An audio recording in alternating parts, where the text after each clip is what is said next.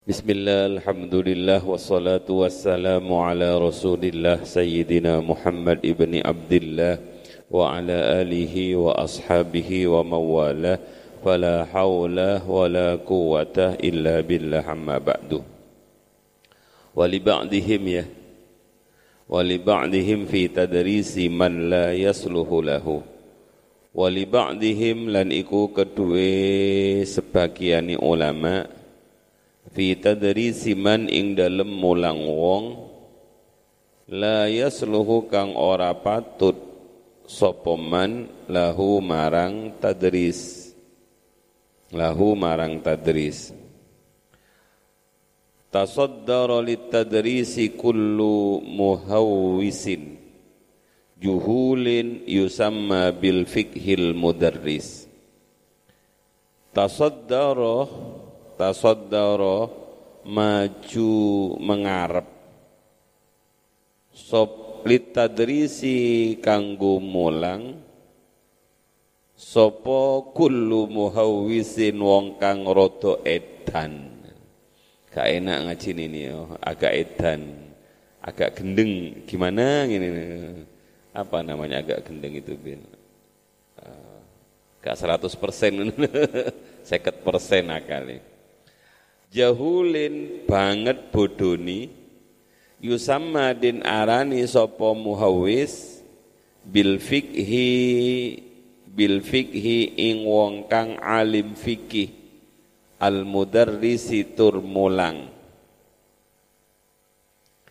Fahaqqun mungko hak li ahli ilmi kedua ahli ilmu ayyatamassalu yen to gawe umpama perumpamaan sopo ahlul ilmi bibaitin kelawan rumah qadimin kang lawas rumah kuno rumah lawas sya'in kang masyhur atau sya'a kang masyhur opo bait fi kulli majlisin ing dalam saben-saben majlis Laqad hazalat mongko teman-teman wis kuru kuru kuru kurus opo wedus hatta bada sehingga tampak min huzaliha saking kurusnya ghanam atau wedus opo kulaha kulaha itu tulang belulangnya wa hatta samalan sehingga nganyang nganyang itu nawar. Ha ing ghanam sapa kullu muflisin piro-piro wong kang bangkrut. Ini semua adalah sindiran-sindiran terhadap orang yang sok alim gak alim gak paham tapi berani maju.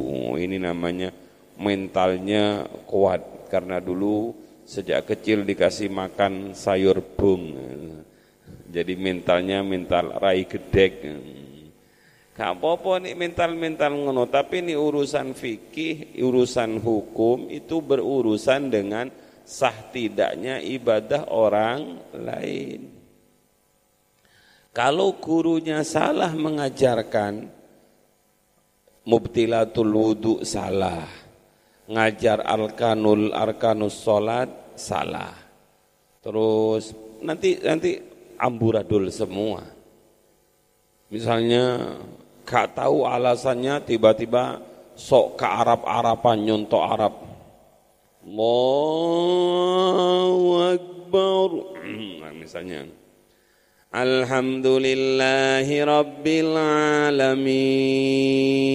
Gak pakai fatih, gak pakai bismillah, langsung Alhamdulillah. Eh kok, kok, kok langsung Alhamdulillah? Kau usah kakek ngomong Mekah itu pakai Alhamdulillah langsung. Lah kalau nggak paham tentang bahwa Bismillahirrahmanirrahim termasuk min ha bagian dari surat Al-Fatihah, nanti bagaimana sholatnya? Terus batas-batasnya wudhu, wudhu itu seperti apa? Terus cara membasuh wudhu, terus penghalang-penghalang yang ada di dalam kuku. Kalau wudhunya tidak sah, maka sholatnya tidak sah. Lah, kalau nggak betul-betul paham, jangan ngarep, jangan maju. Nanti itu disebut kullu muhawis jahulin, orang yang agak edan. amat bodoh nih. Al-babus sabi, al-babus sabi ini berarti anak-anak apa yang disampaikan mulai kemarin oleh Mbah Hashim itu bukan berarti menyurutkan kita untuk berperan di tengah masyarakat. Tapi apa maksudnya? Sebelum berperan di masyarakat, persiapkan il ilmu, persiapkan ilmu. Saking Mbah Hashim itu sangat tawaduknya, saya mendapat cerita Mbah Hashim itu nggak mau ngaji kalau nggak sinau. Padahal setingkat Mbah Hashim itu. Katanya guru-guru saya kalau malamnya itu Mbah Hashim lupa nggak nggak karena sibuk karena apa nggak nggak sempat mutolaah yang akan dibaca besok itu besoknya nggak berani ngaji Mbah Hashim. Itu bukan bahasa nggak pinter, nggak pinter apa wong bahasa Arabnya seperti ini apinya karangannya. Tapi itu adalah adabnya Bahasim kepada ki, kitab. Lah sekarang kan enggak, sekarang orang ngajar sing penting teko langsung. Ya agak ngawur-ngawur titik. Menurut pendapat saya lah sejak kapan kamu punya pendapat lele gitu. Al-babus sabi. Saya menurut analisis saya hemat saya. Oh sayanya kakean kau le.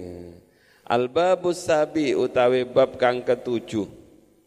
Fi adabil alimi ing dalam totok romoni wong alim ma'atalamidatihi sertani murite alim wa fihi lan iku tetep ing dalam bab arba'ata asyarah Arba'ata asyarah hitungan mulai dari 12 itu langsung tetap mabni fathah.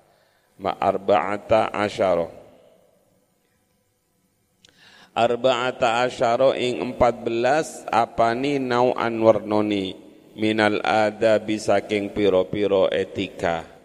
Bab ketujuh menjelaskan tentang adab seorang alim bersama dengan santri-santrinya, bersama jamaahnya.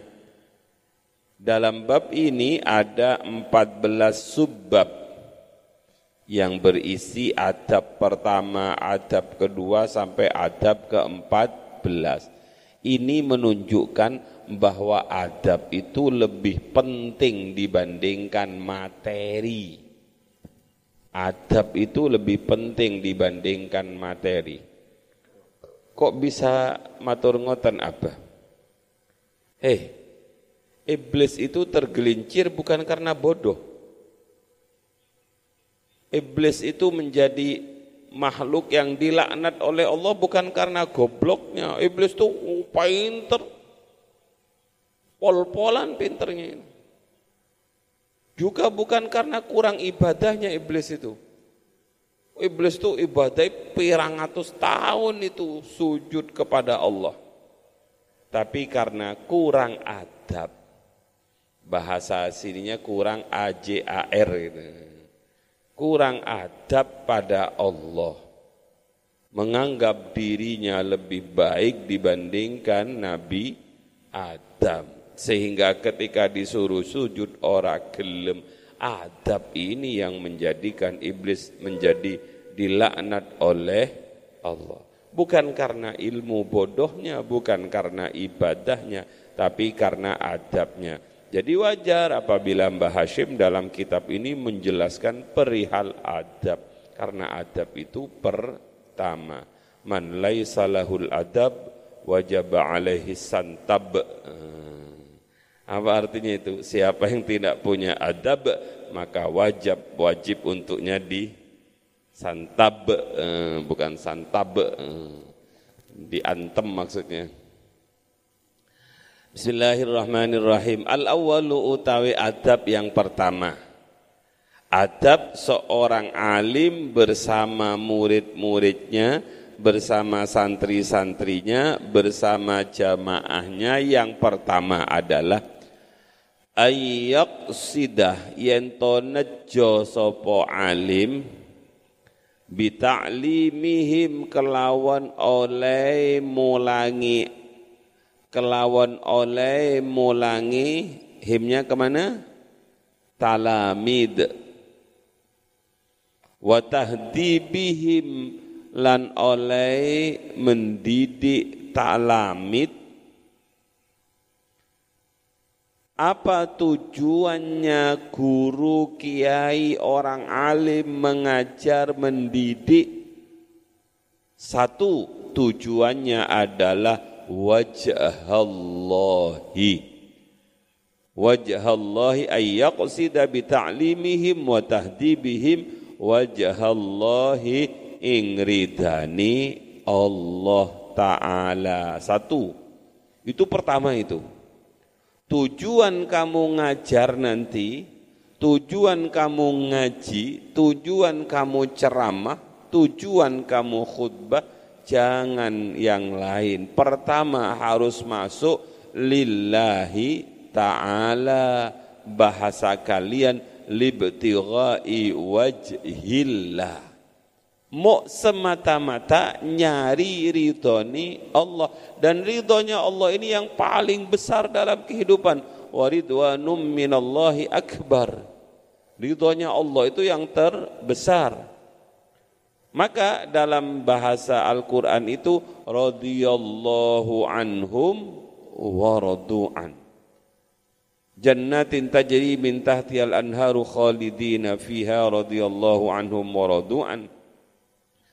Ada doa yang sangat indah dalam Al-Quran. Rabbi auzi'ni an ashkura ni'mataka allati an'amta alayya wa ala walidayya wa an a'mala salihan tardo Auzi'ni an ashkura ni'mataka allati an'amta alayya ya Allah ajari saya beri petunjuk saya agar saya bisa menjadi orang yang bersyukur kepada panjenengan an ashkura uh, Rabbi auzi'ni an ashkura ni'mataka allati an'amta alayya wa ala walidayya yang diminta kedua adalah wa an a'mala solihan tardo. Setelah saya bersyukur atas nikmat yang diberikan kepada saya, atas nikmat yang dianugerahkan kepada kedua orang tua saya, ya Allah jadikan saya apa tadi? Wa an a'mala solihan. Apa artinya nak? Beri saya kemampuan untuk beramal soleh. Amal soleh yang apa? Tardohu yang engkau ridhoi. Bagaimana amal soleh ini bisa diridhoi oleh Allah? Pertama kali yang harus dicatat adalah niat kita beramal soleh itu adalah wajah Allah. Gak usah yang lain, gak usah yang lain. Pokoknya wajah Allah dulu. Urusan nanti kecampuran yang lain belakang-belakang nggak apa-apa itu belakang itu. Yang penting lillahi ta'ala. Oh berat begini nih menjaga lillahi ta'ala. Makanya Sayyidina Umar itu yang penting Allah yang penting pertama kali lillahi ta'ala. Jangan karena yang lain. Nah, inilah yang dalam bahasa tasawuf disebut dengan ikh, ikhlas. Semata-mata karena Allah. Sehingga dalam bahasa yang panjang baginda Rasul an-nasu kulluhum halaka illal amilun illal alimun wal alimuna kulluhum halaka illal amilun wal amiluna kulluhum halaka illal mukhlisun semua orang itu celaka kecuali orang yang berilmu. Wah, gak berilmu celaka. Tapi kemudian Rasulullah mengatakan wal alimuna kulluhum halaka. Orang yang berilmu pun akan celaka illal amilun kecuali mau mengamalkan ilmunya. Wal amiluna kulluhum halaka orang berilmu lantas mengamalkan ilmunya belum tentu dia enggak celaka sebab kanjeng Nabi tahu celaka juga dia. Illal mukhlisun kecuali orang-orang yang ikhlas. Wow, ikhlas ini yang sangat dikhawatirkan. Ikhlas ini yang berat. Ya, sudah yang pertama, gak usah diperpanjang. Yang kedua, wa nashral ilmi. Diharokati wa nashra wa nashral ilmi apa nashral ilmi itu nak? Wa nashral ilmi itu menyebarkan ilmu agar ilmu semakin tersebar.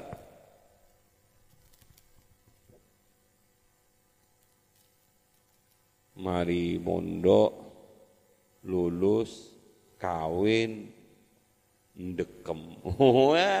Selesai besan. Eh, semua lonan tok. Ya, apa hasilnya? Enggak ada nasrul ilminya blas. Ini ngono lah apa mondok atau-atau suwe-suwe ngono nek gawe ngono. Ada peran. Maka nikah itu harus. Kenapa? Biar ada yang meneruskan ilmunya. Tapi kamu sendiri jangan jangan berhenti nak. Terus kamu menyebarkan ilmu selagi kamu bisa. Hari ini orang menyebarkan ilmu gak harus keluar kok. Dari dalam kamar bisa kok. Menyebarkan ilmu syuting sendiri-sendiri, nyuting sendiri, ngobrol sendiri. Terus di di di apa itu di share, selesai sudah. Judulnya diantikan. Judulnya yang dibuat menarik sehingga sehingga kemudian menjadi bagus. Saya kemarin agak sungkan karena ngaji saya yang yang syuting-syutingan itu loh, yang akhir-akhir Ramadan itu. Jangan lupa apa, please? Jangan lupa apa? Subscribe dan apa? Aduh, anak-anak itu kok pakai subscribe, subscribe monggo gak di subscribe juga gak? Apa-apa ngaji hikam minta di subscribe. Wah. Saya mau gimana wong namanya yang yang anu golongan golongan Effendi ambek Rias ya gak apa-apa tutu aku sing minta. Hmm. Iki lho Mbah jari anakku. Sampean sudah di like oleh ah urusan begitu itu ngurusui hati ngene itu wis di like gak di like. Makanya saya saweneng ngaji saya itu sampai sekarang ngaji saya itu ada yang begini. Jamaah ada yang begini. Wah, alhamdulillah berarti ngaji saya itu nggak serak, nggak soheh gitu ya. Semakin banyak yang begini nggak apa-apa. Kenapa harus takut dengan begini? Begini begini lebih bagus mana begini dengan begini? Dalam dunia tasawuf yang lebih bagus tuh begini daripada begini. Kalau begini, oh aku kok malu. Aku nih ngaji ewan sing delok Dan semua like like like like like. Eh sudah gak usah begitu itu. Saya bilangi Cak Rias, ya bilangi Cak Rias dan Cak siapa itu? Cak siapa itu? Cak Fandi, gak usah lek-lekan begitu itu. Gak usah di apa? apa sap sap apa ini? Gak usah kayak Nisa Sabian aja gitu. Kalau Nisa Sabian wajar begitu itu, jangan lupa ya. Bismillahirrahmanirrahim. Ya zamannya sudah begini. Nasrul ilmi tujuan yang kedua seorang kiai, seorang bunyai, seorang guru, seorang alim itu adalah menyebarkan ilmu. Jangan sampai ada hamba-hamba Allah yang tidak tahu caranya sholat. Jangan sampai ada hamba-hamba Allah yang tidak mengenal Allah karena kita nggak mau ngajar. Makanya Abah Jamal itu pernah didawi oleh mursyidnya Mbah Yai Jalil. Katanya Mbah Jalil begini, Pak Yai Jamal, dalam Yai. Mbah Yai Mursyid itu kalau manggil Abah itu Pak Yai Jamal. Pak Yai Jamal, dalam Yai. Kalau ngaji di pondok itu enteng, meja disiapkan, mic disiapkan, musimnya lockdown begini syuting disiapkan, kopi disiapkan, مولاي صل وسلم دائما abada santri geruduk datang tapi kalau di masyarakat siapa yang di masyarakat itu katanya Mbah Yai Jalil cocok-cocokan Pak Yai Jamal. Ada masyarakat sana gak gelem mengaji kecuali kepada Kiai Fulan. Fanatik kepada Kiai Fulan.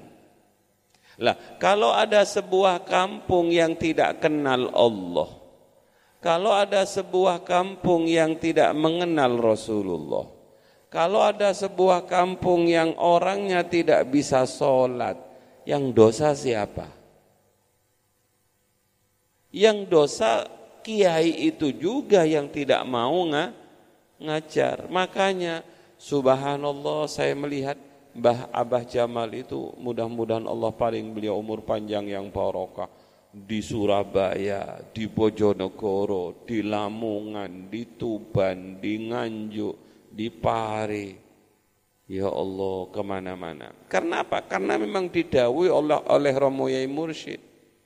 Itulah tanggung jawab keilmuan. Kalau kita sudah punya ilmu, maka kita punya tanggung jawab terhadap ilmu. Itu apa? Nashrul ilmi. Sodakohnya ilmu. Jadi ilmu itu harus disodakohkan juga, diberikan kepada orang lain bukan untuk diri kita sendiri. Terus yang ketiga wa ihya asy-syar'i. Wa ihya asy-syar'i lan menghidupkan syariat. Wa ihya asy-syar'i lan menghidupkan syariat. Wa ihya asy-syar'i lan menghidupkan syariat. Jadi tujuan yang ketiga kata Mbah Hashim oleh ngajar, oleh mendidik itu adalah menghidupkan syariat Islam. Yang ketiga, yang keempat wadawa maduhuril haqqi wadawa maduhuril haqqi lan langgengi menampakkan kebenaran. Langgengi nampakake kang hak agar yang benar itu terus ada. Wah, saya senang sekali dengan dakwah-dakwah itu. Ini model solawatan koyo apa saja. Kita bersyukur kepada Mbak, kepada Habib Syekh. Gara-gara Habib Syekh, solawatan semarak. Dulu kan nggak seperti ini. Berapa banyak orang yang senang solawatan. Dibaan itu hanya ada di surau-surau kecil. Begitu tampil Habib Syekh dengan model solawatnya, wah semuanya orang ribuan bersolawat. Ada Az-Zahir ya, grup Az-Zahir, oh ribuan yang ikut solawat. Ada Riyadul Jannah, ada Ar-Ridwan. Silahkan kemasannya seperti apa. Itu namanya berperang untuk menyebarkan kebenaran. Sehingga ada yang pemuda-pemuda yang golongan sing sekarang itu uh, anaknya Jeffrey. Ya enggak apa-apa bagus. Biar orang seneng solawatan. Pokoknya ada wadawamu wadawama duhuril hakri. Terus selanjutnya yang kelima wa khumulal batil Ngajar mendidik itu juga diniati tujuannya adalah meredam kebatilan. Meredam kebatilan.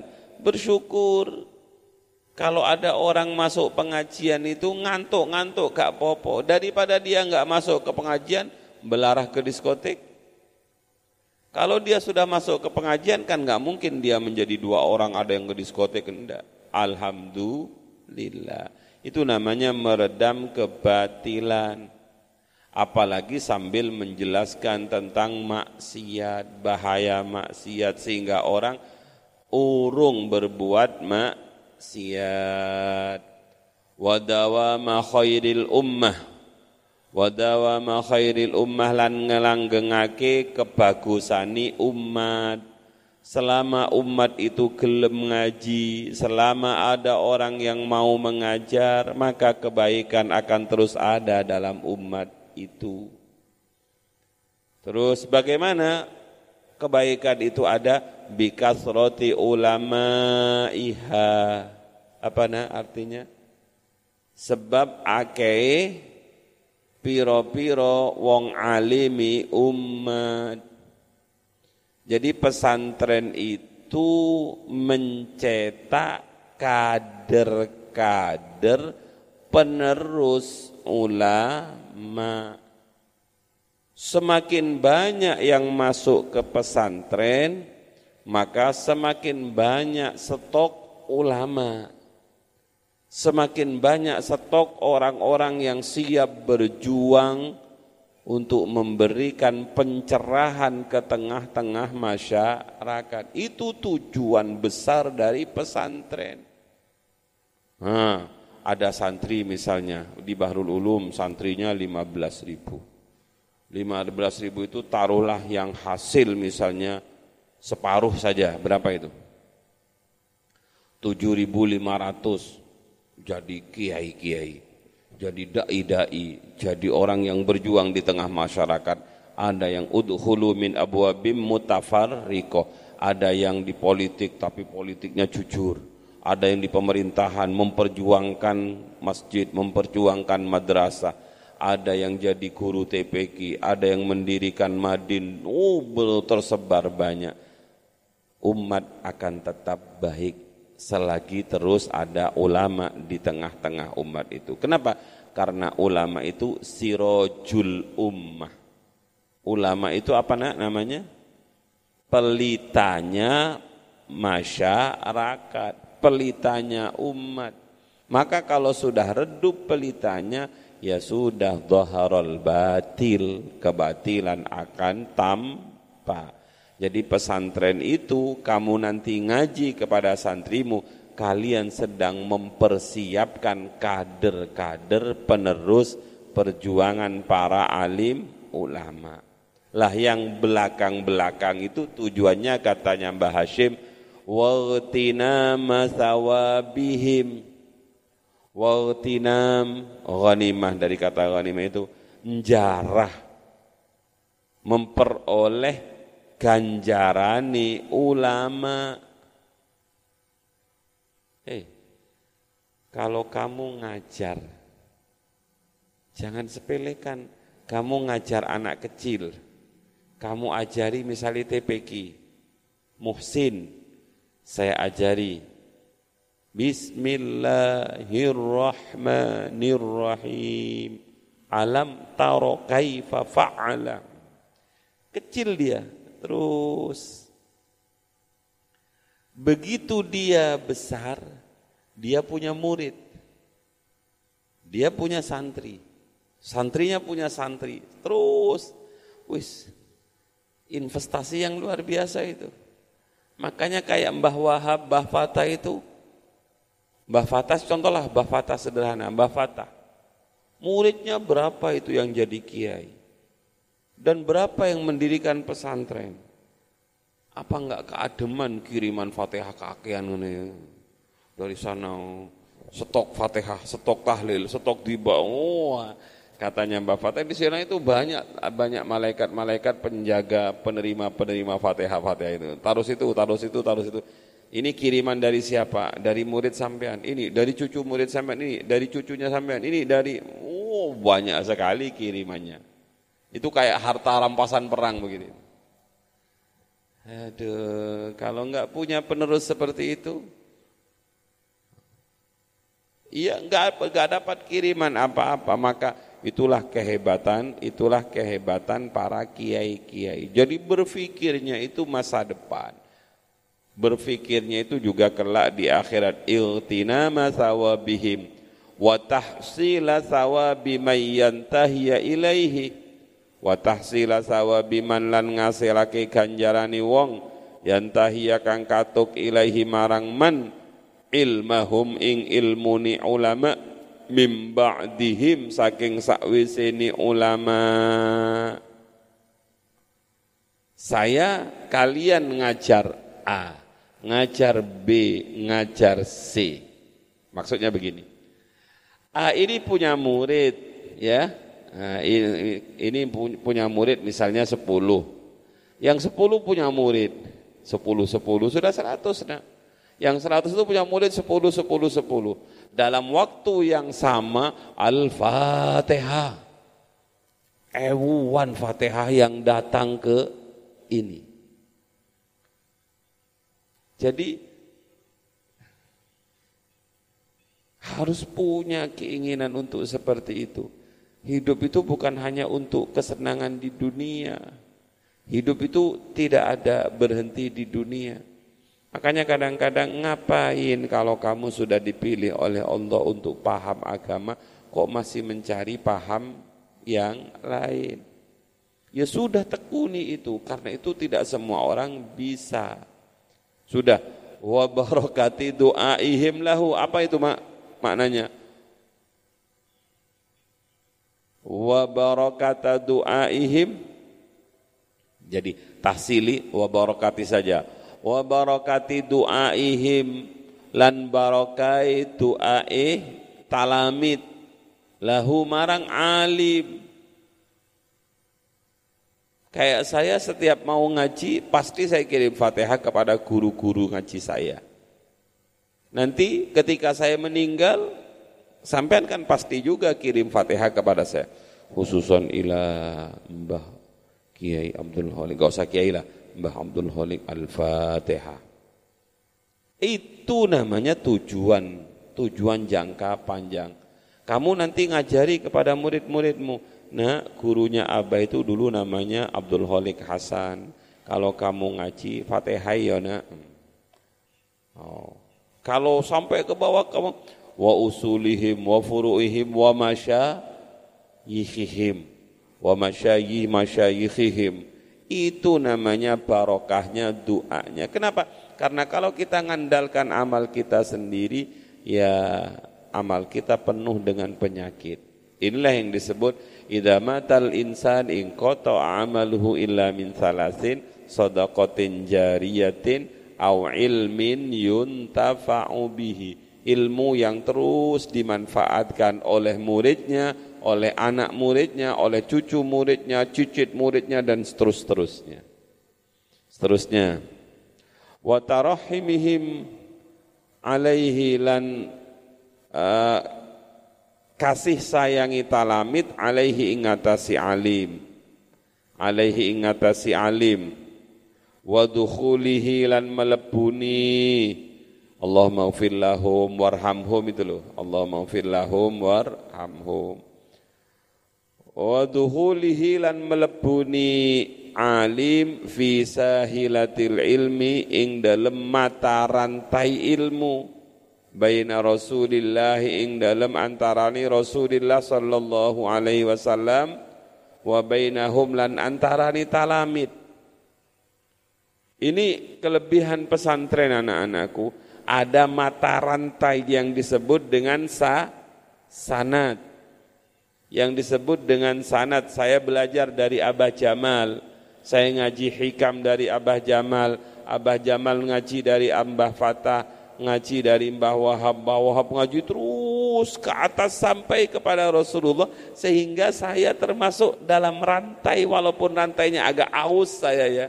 Walaupun rantainya rantai yang kecil yang mungkin suatu saat patah tapi saya kan masuk dalam rantai itu karena saya ngajar kamu. Kalau saya tidak mengambil peran mengajar itu, saya nggak akan masuk dalam rantai-rantai-rantai menuju Rasulullah itu. Maka rebut ini, inilah hebatnya orang ngajar. Masuk dalam rantai-rantai-rantai yang sampai kepada baginda Rasulullah. Eh kalau nggak ngajar, kalau nggak ngaji rantainya ke YouTube gitu. Rantainya, ya nggak ada, nggak ada, nggak ada sanad kalau ke YouTube. Qala Syekhuna Google rahmatullahi alaih. Mau dibilangi rahmatullahi alaih kadang-kadang nampilkan porno gitu. Masa rahmatullahi porno? Ya sudah, makanya bersyukurlah kalian karena kalian dipilih oleh Allah untuk belajar di pondok pesan pesantren. Wa dukhulihi fi sahilatil ilmi baina Rasulillah sallallahu alaihi wasallam wa bainahu. Wa addalan ngitung-ngitung memasukkan sapa Allahu ingman fi jumlati muballighi wahyillah. Ing dalam jumlahe wong kang pira-pira wong kang menyampaikan wahyuni Allah karena karena diidofakan maka nunnya dibuang. Muballighina wahyilam jadi muballighi wahyillah wa ahkamihi lan pira-pira hukumi Allah. Wa ahkamihi lan pira-pira hukumi Allah. Dan Allah menghitung kita sebagai orang yang menyampaikan wahyunya Allah menyampaikan hukum-hukumnya Allah disampaikan ila khalqihi marang makhluki Allah. Fa inna ta'limal ilmi krono sak temeni mulang ilmu iku min ahammi umurid dini setengah saking piro-piro perkara pentingi. Sang setengah saking penting-pentingi piro-piro perkara agama Mengajar ilmu itu adalah hal yang terpenting dalam urusan agama karena semuanya harus berdasarkan ilmu. Sebab beribadah beragama tanpa didasari ilmu mardudah pasti dito ditolak. Yang kedua wa ala darajatil mu'minina lan luweh dukur-dukuri piro-piro derajate wong mukmin. Mengajarkan ilmu itu adalah derajat tertinggi bagi seorang mukmin. Qala dawuh sapa Kanjeng Nabi sallallahu alaihi wasallam إن الله تعالى وملائكته وأهل السماوات والأرض حتى النملة في جحرها يصلون على معلم الناس الخير إن الله سأتمني الله تعالى وملائكته لن ملائكة ملائكة الله وأهل السماوات لن بيرو بيرو penduduk langit lan penduduk piro-piro langit wal ardi lan penduduk bumi hatta namlata sehingga apa? Semut fi juhriha ing dalem sarangi semut lengi semut. Iku yusalluna nyuwunaken rahmat. Iku yusalluna memintakan rahmat memintakan ampun ala muallimin nasi ing wong kang mulang menungso. Al khaira ing kebagusan. Jadi guru luar biasa penduduk langit, penduduk bumi sampai makhluk terkecil semut yang ada di dasar istananya di bawah tanah itu semuanya memintakan ampun kepada Allah, semuanya memintakan rahmat kepada orang yang ngajar orang lain kebaikan. Maka wajar kalau Abah Jamal itu mengatakan, murid-muridku kalau mulai kudu ngajar. Kalian jadi pebisnis, oke okay, bagus. Karena wajahidu bi amwalihim wa anfusim. Kalian menjadi orang kaya, bagus. Kalian menjadi pegawai, silahkan. Kalian menjadi apa pun, silahkan. Tapi jangan lupa ada tugas yang paling mulia yaitu nga, ngajar. Wes aku sibuk dengan perusahaanku. Oh, saya punya perusahaan 10 di sana, di sana, di sana, di sana. Iya gampang lah. Suruh orang yang ngurusi perusahaan itu. Kamu kan tinggal ngontrol gimana laporan perusahaan pertama, laporan perusahaan kedua. Kamu tetap saja jadi ngajar.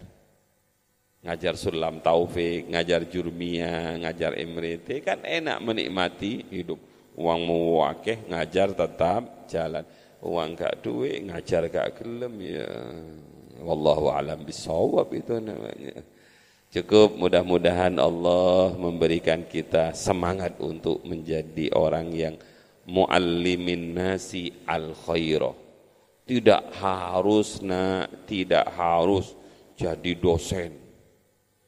Tidak harus kamu nunggu selesai S3 baru ngajar. Ya gak ngajar-ngajar kamu, ya kalau gak mati.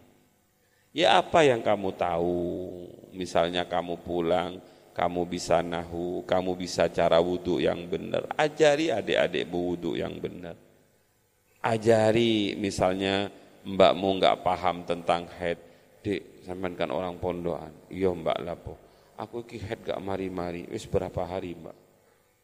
Iya sekitar 25 hari. Tunggu aja mbak 5 hari lagi selesai paling gitu. Ya kamu gimana begitu itu. Terus gimana dek 25 hari ini? Ya gak usah sholat baung namanya head. Jangan kamu ajari. Sebab siapkan waktu tak ajari li salatul mahid. Mbak E diajari di kursusi tentang head. Ajari tetangga-tetangga yang butuh ngajar, yang butuh belajar. Is, itu berharap apa? Niatnya tadi itu di awal. Wajah Allah, nashral ilmi, ihya asyari, dawama duhuril haqi humulal batil dawama khairil ummah bi kathrati ulamaiha wa thawabim sampai terakhir itu itu adalah semangat dari Mbah Yai Hashim Asy'ari untuk kita murid-muridnya agar jangan terlena dengan fasilitas sehingga lupa hakikat kehidupan sebenarnya yaitu menyampaikan kebenaran menyampaikan kebaikan kepada orang lain. Semoga bermanfaat. Wallahu a'lam bis